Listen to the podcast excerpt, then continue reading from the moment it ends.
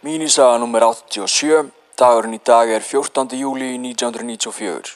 Við sannlega byrjaði alveg frá byrjun og hefjum upptökun á því að þú segir til nafns.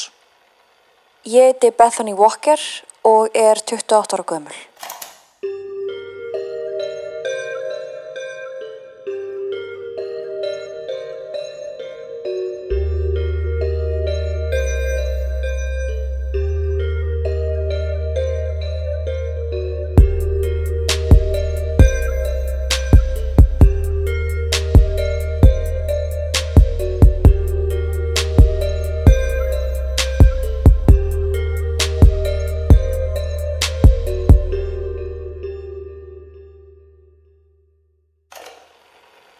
Fyrsta atvikið átti sér stað þegar ég var tvítug og ágerðust er líðatók á önnina.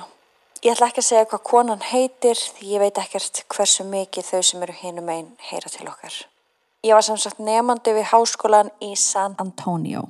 Þetta var lítill skóli sem var með framúsgarandi bladamannabraut. Fljótlega eftir ég hóf nám byrjaði ég að skrifa greinar í skólablaðið sem að alls ekki allir fengu tækifæri til.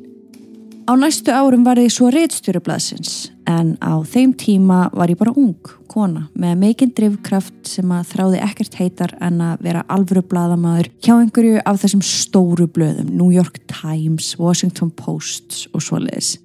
Með þessum nýju skildu mínum þurfti ég því að nota tíman eftir skóla eða forna smá félagslífi til að skrifa umrættar greinar. Það var til þess að ég var oft einn í aðal skólabyggingunni eftir lokun.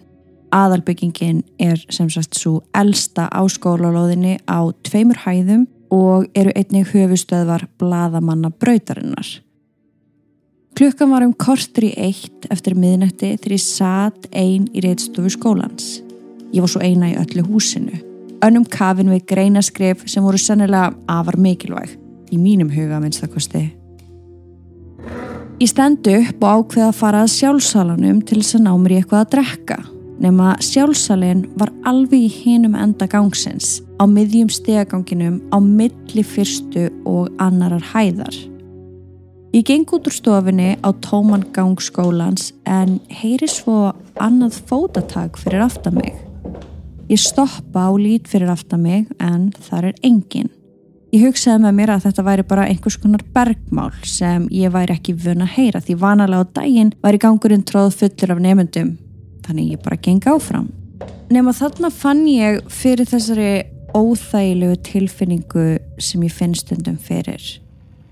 Ég er sem sagt það sem ég held að sumir kalla að vera næm eða næmur.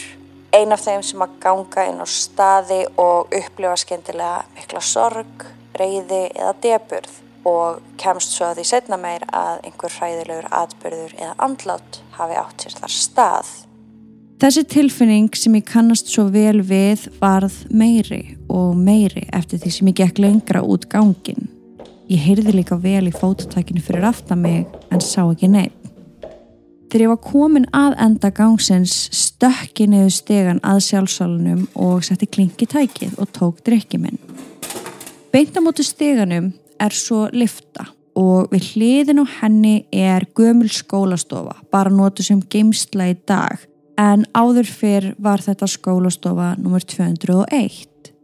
Þegar ég kominu með annan fótin efst í stegan þá opnast skindilega liftan, alveg að sjálfum sér og líkt og við var að búast þá var enginn inn í henni heldur. Tilfinningi sem ég talaði um áðan heldist þarna yfir mig og mér fannst eins og hún kæmi frá liftunni eða stofu 201 við hliðin á. Um 34 mínutum síðar þá lokaðist liftan og tilfinningin sem ég fann varð minni. Það var þá sem ég áttaði með á því að ég var ennþá bara með annan fótinn efst í steganum. Ég hafði staðið alveg stjörf og var reyfingalauðs allan tíman sem liftan hefði verið opinn. Þarna hraðaði ég mér aftur í átt á stofinu minni ánþess þó að heyra hitt fótatækið á eftir mér í þetta skiptið. Þessi stað heyrði ég í konu og manni verið að rýfast. Hljóðið var að koma þaðan sem liftan er staðsett. Ég heyrði ekki hvað var sagt en þó greinilega að þarna var karl og kona. Ég snýmir við og sé þá ljósklæta konu standa eða eiginlega fljóta við hinn enda gangsins. Aug okkar mættust ekki en ég fann samt fyrir því að hún starði á mig og reyndi að segja mér eitthvað og þarna var þessi blessaða tilfinning komin aftur en á einhvern ólýsanlegan hátt þá kvarf hún svo fljótt beint fyrir augum mér eins og ég hafi bara blikkað og það hún horfið. Á þessum tímapunkti kláraði ég greina skrifinni flíti og hljóp að lokum út úr byggingunni án þess að slökka ljósuna eftir mér. Þegar ég var komin upp á herbergi mitt hugsaði ég með mér að ég hefði bara séð offsjónir. Ég væri þreytt og kannski fyrrliftan sjálfkrafa af stað á ákveðnum tímum upp á viðhald eða eitthvað, þú veist, hvað veit ég? þetta satt samt alveg í mér þannig að morgunin eftir þá spurði ég húsverðin út í þetta með liftuna hann sagði mér að hún fari alls ekki sjálfkrafa í gang á næturna og kunni raun enga skýringu á þessu húsverðurinn sá einhvern veginn á mér að það væri meira en þetta með liftuna sem kvild á mér og spurði mig hvort ég hafi séð eitthvað þá segi ég honum hnögtandi frá atveikinu kvöldið áður mér til mikillar undrunar þá sagðan að ég væri alls ekki svo eina sem hefði séð hana, ljósklættu konuna. Hann fer þá og segir mér frá morði sem átti sér stað í byggingunni á sjönda áratíðinum. Afbríðisamur ungur maður hafði myrt fyrir um kærustuna sína með skærum fyrir fram að liftuna. Eftir það hafa hann dreyið líkanar inn í stofu 201 en fullur af sektarkend hafa hann farið raglegist til prests í hverfinu og játað allt fyrir honum. Ég fór strax og flett upp gömlum dagblöðum og viti menn. Í einu blaðinu sá ég frétta umfjöllun um morðið og þarna á fórsíðunni var mynd af ungu konunni sem starði á mig tilbaka. Sama konan og ég sá á ganginum kvöldið áður. Atvikin urðu svo fleiri eftir því sem leið á skólagönguna og fleiri urðu vittnafissu. Ég hef ekkert farið aftur í skólan enda nokkur ár liðin síðan ég útskrifaðist en ég veit að hún er þarna ennþá. Först, alein og býður.